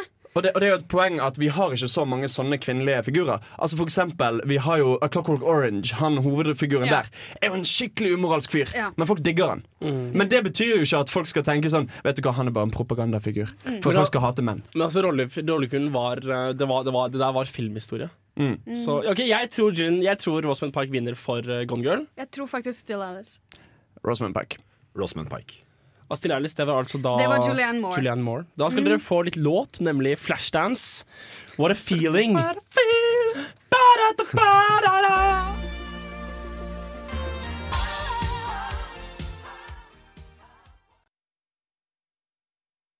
Ja, du hører på Radio Revolt, studentradioen i Trondheim. Og hvis du har lyst å høre på et kvalitetsspekka program, så sendes det hver mandag mellom fem og seks. Nei, nei. Jo, jo. jo. Mellom fem nei, og seks. nei. Det er tre dudes, en dame og utrolig god underholdning. Ja, stemmer det. Ja, det er Filmofil torsdager klokka, klokka åtte til ti. Ja, nei, det er nok Allerske mandag fra fem til seks. Nei. Mandag. Du har ikke mandag tid. Nei, jeg er opptatt av mandager. Alle elsker mandag. Mandager fem til seks. Og Filmofil hver torsdag mellom åtte og ti. Hør sendingen live på dusken.no, eller last ned podkast fra iTunes.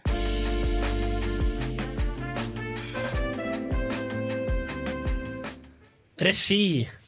Og de nominerte er Richard Linklater for Boyhood. Foxcatcher. Bennett Miller.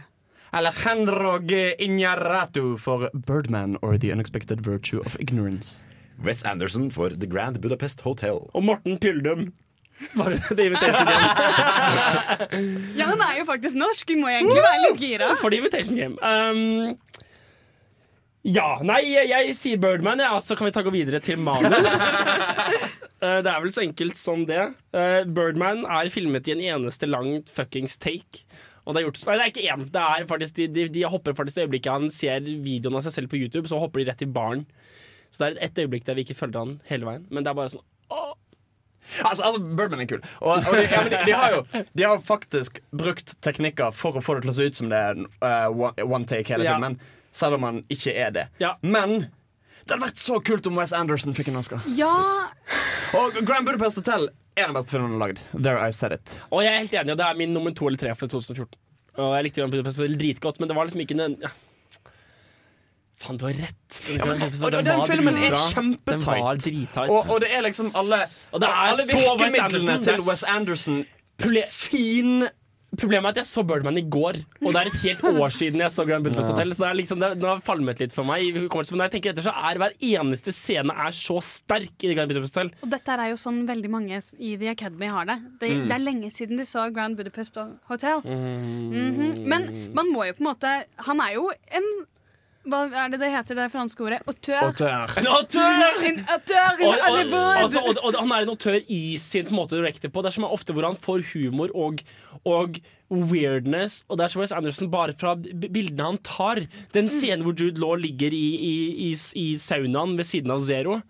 Så Det er humor bare i hvordan de har filmet det.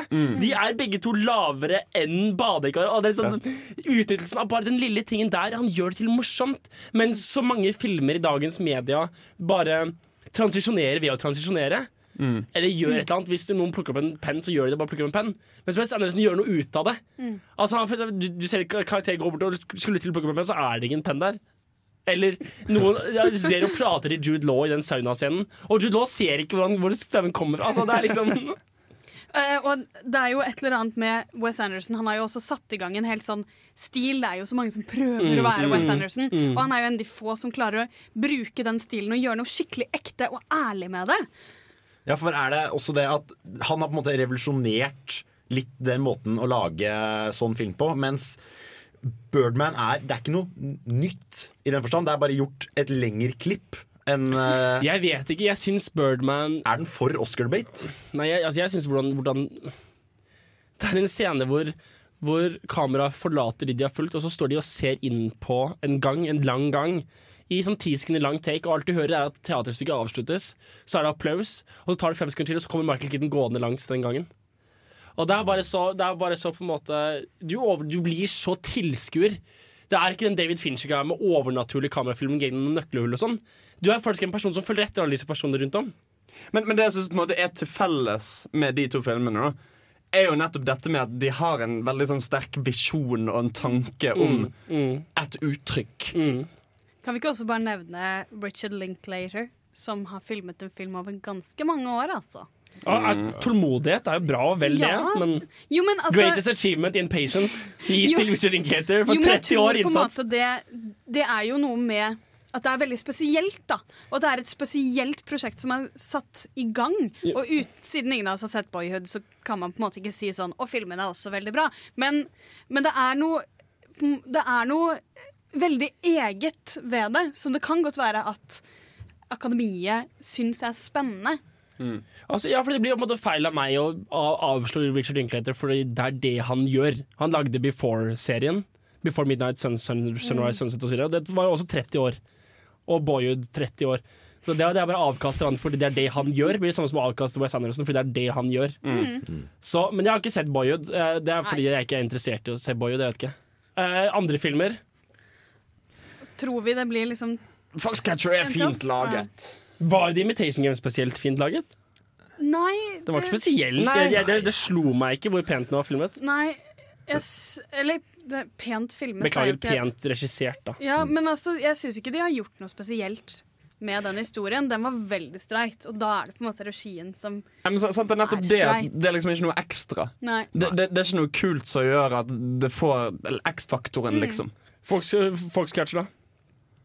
Den er veldig, veldig rolig, stilistisk lange Ja. scener. Klarer den å fange stemningen i på en måte, filmen skal Veldig Ja. bra. Men det er ikke, jeg vil ikke si at det er i motsetning til Birdman og Wes Anderson, som har liksom Begge to er sånn unike på hver sin måte. Mm. Så er den Den er veldig nede, veldig rolig, men jeg føler ikke at du sitter og tenker at Ok, her var det regisseringen som virkelig bare knuste alt i bakken. Men det er veldig bra gjort.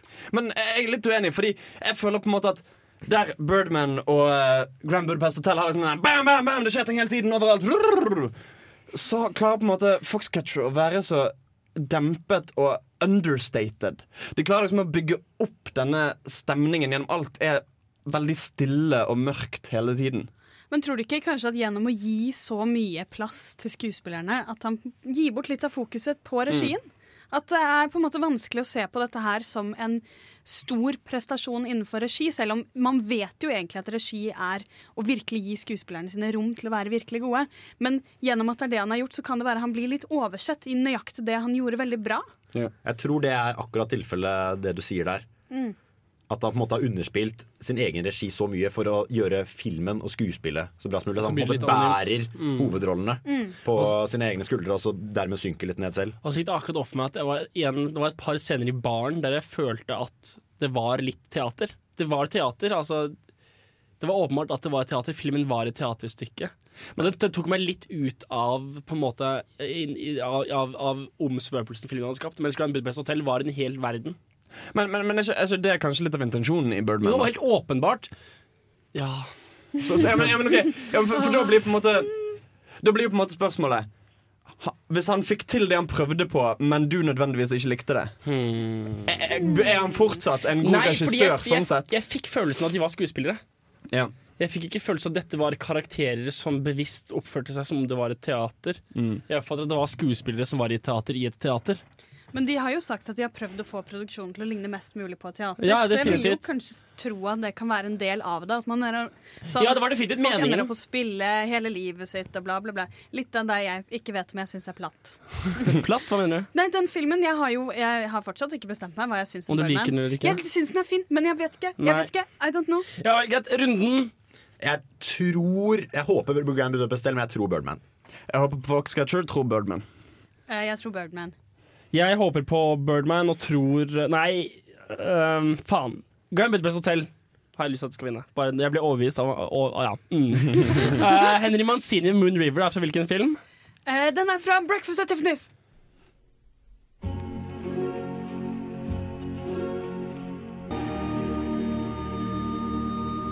Og de nominerte for Best Adapted og Best Original Written Screenplay er Best Original Screenplay er Det var så langt du rakk det før det Er Birdman, Boyhood, Foxcatcher, The Grand Budapest Hotel og Nightcrawler. Og det er da altså screenplay skrevet bare fra bunnen av av Mm. the creator of writeren. For- for filmen. Ja.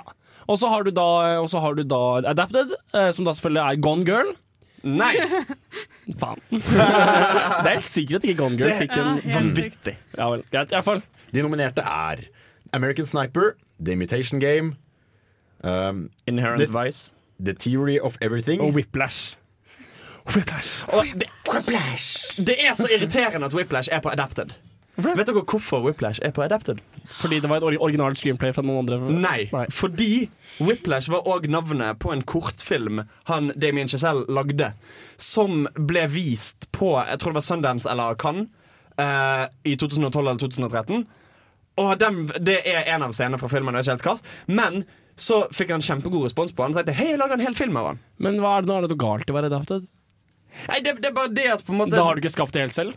Ja, sant. Ja, ja. ja. Uh, la oss gjøre det her litt kjapt, for jeg har lyst til å ha litt mer tid til, uh, til beste film. Og så har vi jo nevnt en del av disse filmene før. Eh, Boyhood har vi ikke sett, Nei. så det kan godt hende at den er bra. Eh, det krever litt planlegging for å filme noe i tre omganger med ti års mellomrom. Eller mange omganger de brukte. Det er årlig. Ja, OK. Imponerende ja, greier. ja, Imponerende ja. greier. Um, helhjertet, om ikke annet. Uh, Birdman. Den liker jeg kjempegodt.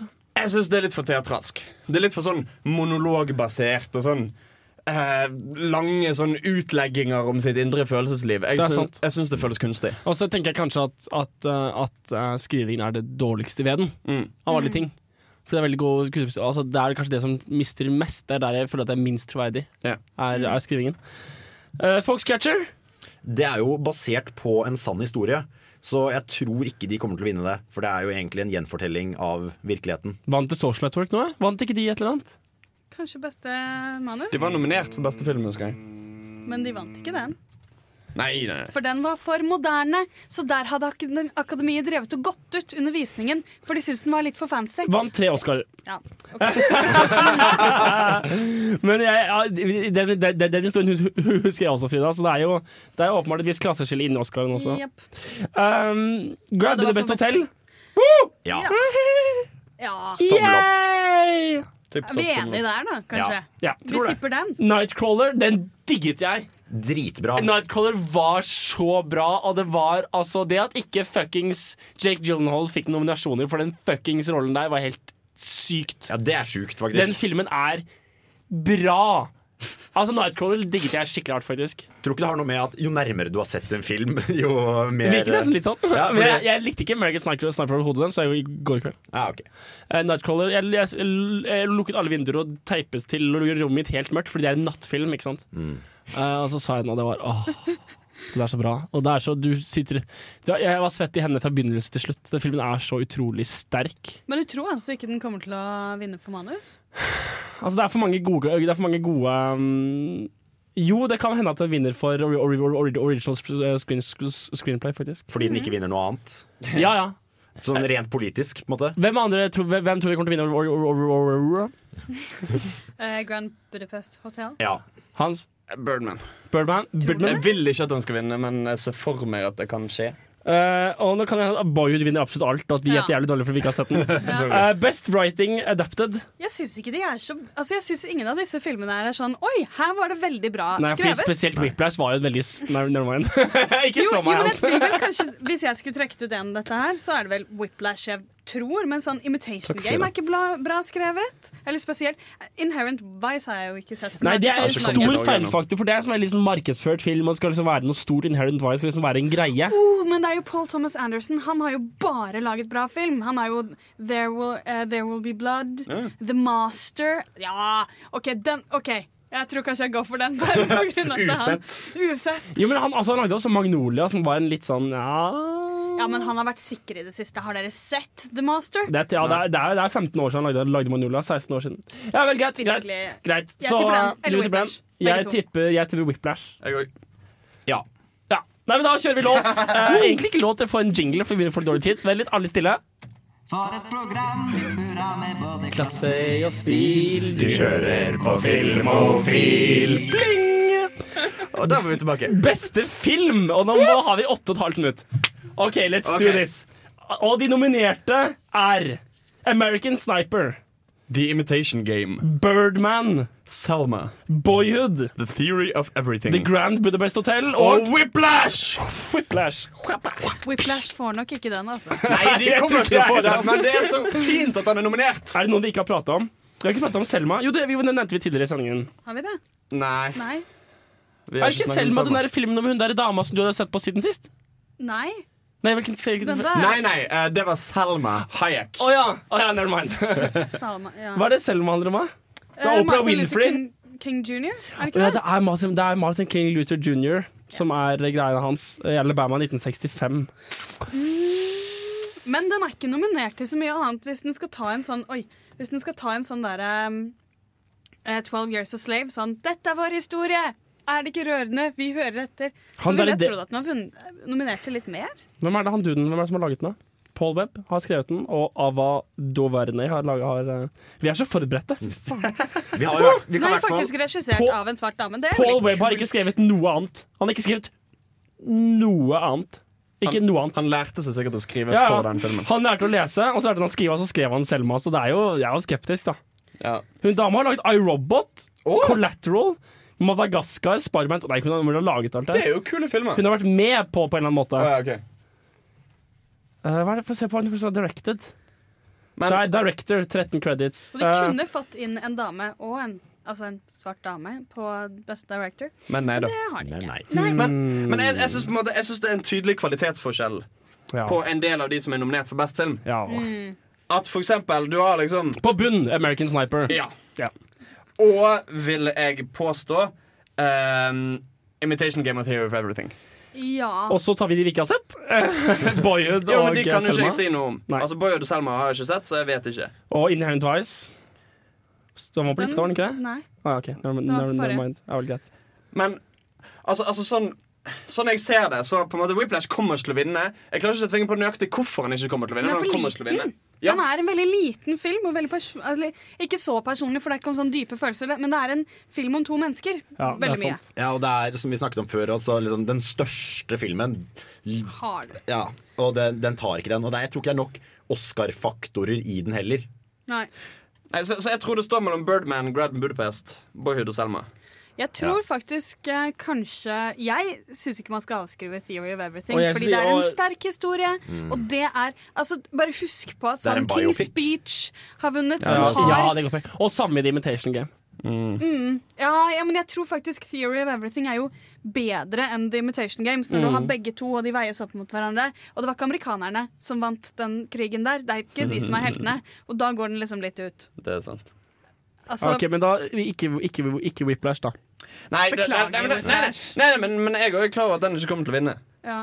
Det er Men- trist, da. Han er så Den kunne fint vunnet, for det er en, okay. En av de virkelig. La oss gjøre to runder. La oss håpe vinner og tro vinner. Frida, håpe vinner. Oh, kan jeg få tenke meg om. Ja, Hans. Whiplash. Og tror du vinner? Uh, Birdman. Jeg håper egentlig Grand Budapest Hotel. Jeg tror Birdman.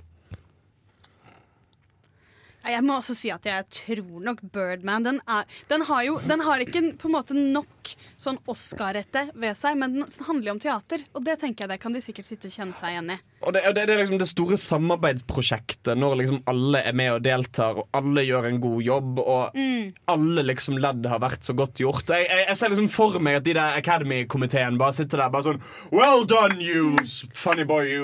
Jo men, jo, men det er jo faktisk sant. Sånn Argo for eksempel vant jo, og selv om veldig lite av på en måte enkelttingene i filmen vant, så ser de på sånn Men dette hang jo sammen. Og det er jo faktisk best film-type Mm. Det kan jo fint være det. Tror dere at uh, Fordi Argo er jo veldig Det er liksom 30 år tilbakeblikk og veldig aktuelt nå samtidig. De kombinerer en historisk greie. Det er en vellagd historisk film som er aktuell akkurat nå. Ja. Mm. Er det noen andre av de på lista som er det? Du har Det blir jo American Sniper, kanskje. så. Men da blir dette husket som skandaleåret i Oscar. Ja, for det var ikke en bra film. Kan vi bare jeg, vil- jeg tror jeg har lyst til å ta opp dere. Alle må ta opp seg selv når Ja. de får vite den. I hvert fall deg, Hans. Bare tilfelle American Sniper. Altså, jeg vet ikke om jeg Får trenger, den. jeg trenger å ta det opp igjen. Jeg tror du kommer til å høre meg fra Bergen. Nei! Ekko. Hytter med knyttneven mot himmelen. Og sånn tordenskyer i bakgrunnen. Dette var Dagsrevyen. Hans Ystadnes ble hørt på 2,3 Richter skala. Nei, jeg må si jeg tror altså, Jeg skulle også ønske at Whiplash fikk den, altså, for det var altså, ja, stor, solid sak. Og det hadde vært så gøy hvis en sånn type film kunne vunnet òg. Hva mener du med sånn type film? Altså, altså en litt sånn altså, Det er jo ikke per deff en indie-film. Det er jo Sony som har lagd den under datterstudioet sitt Sony Classics, eller hva det heter. Som er på en måte deres forsøk på å imitere indie-film uten at det er indie-film. Men, men det er liksom stiluttrykket og det at det på en måte er så Han er så simpel i det han tar opp, og tematikken og alt sånn. Men det er så bra gjort, det er så tight, det er så godt klippet, det er så godt spilt. Det er så mm. Altså, eh, jeg synes jo på en måte at du ser veldig godt her, at her har de gitt plass til en visjon. Ja. Han som lagde den, har fått plass til å gjøre det de vil. Og selv om den da er produsert av et stort studie, så har de åpenbart ikke kommet og kjørt på sånn Nei, men det er litt mye trommer her på slutten. De har latt han få gjøre Ja, sant? det. Ja, helt enig. Og det hadde vært kult om det kunne få ordentlig creds. OK, la oss bruke ett minutt på å ta resten av uh, tingene. Nå, nå kommer jeg til å lese opp, og så sier dere alle sammen samtidig hvem dere tror kommer til å vinne. Best Animated Feature-film. Der har vi Big Hero 6. Vi har How to Train Your Dragon 2. Det er omtrent de beste der. How to Train Your Dragon 2. Kanskje Jeg har det- sett Big Hero 6. Å nei, ikke Kanskje den. The Tale of Princess Kaguya. Ja, vent, faen! Ja, den! Ja! tenker vi det? Asiatisk Ja, for det er sånn eh, Ja, den Ja. ja. Best foreign language-film. Ida, Leviathan, Timbuktu, Wild Tales, Tangerines. Ida var en veldig pen film. Det skjedde ikke så veldig mye, men det var en veldig pen film. Og du digget, du digget Le- Le- Leviathan. Ja, jeg likte den. Jeg tror Den kan vinne også fordi den er litt sånn amerikansk eh, antirussisk. Uh, samme med faktisk Timbuktu er jo, handler jo om å bli tatt over av uh, ekstreme islamister. Det tenker jeg også de kan være sånn yay, go. Best original score, Grand Budapest Hotel, Imitation Game, Interstellar. uh, Hans Zimmer. Hvor mange Ja. Oscar har ikke han vunnet fra før av, liksom? Men kunne ikke han få den? Den var ganske Det, spesiell. lydmiksingene er veldig bra. La noen, Jo, men la noen- lydmiksing er en annen Det er ting. noe annet ting, ja. Ja, nei, score. Det er best sound editing. Det er American Sniper, Birdman, Hobbit, Interstellar og Unbroken. Mr. Turner har faktisk ganske fin musikk. Mm, hva er det han Simmy har vunnet for, da? Han har vunnet for Alt. hva har han, vunnet? han har vunnet Academy Award for The Lion King. Det er det. Han har vunnet for ver verdens nest beste John Williams. Jo, det er det eneste Academy Award han har vunnet. Lion King. Lion King. Han har vunnet Gold Globe for Lion King og Gladiator, og Grammys for Lion King, Crimson Tide, Dark Night. Ja vel, greit. Han, Hva er, neste, hva er neste ukes tema? Og det, det er faktisk filmteknikk og 3D-film. Du, Oi. Ja. er, det, er, er, er, er, er, er, er du sikker på det? Ja, vel, greit. Ja, det er greit. Det er det som står her eh, på mitt dokument. Ja. Det blir spennende. Ok, Da kan vi heller si at det blir en overraskelse. Vi får se hva Nei, nei du, har, du har helt rett. Jeg, jeg, jeg, jeg tenkte egentlig det var noe annet. Vet du hvem som kommer til å vinne lydmiksing, forresten? Nei. Whiplash. Hva, hva er ukas hjemmelekse, da? Hvis det var beste lydmiks? Nei, hva var det? du sa 3D-film og Og f filmteknikk og filmopplevelser. Mm. Det blir en helteknisk ingeniørsending, med andre ord. Ja! Det blir Vi kan alle sammen gøy. le av Hans i to timer. Nei, nei, jeg også. vet, Meg også. Vet du hva som kommer til å vinne klipping? De siste ti sekundene. Whiplash.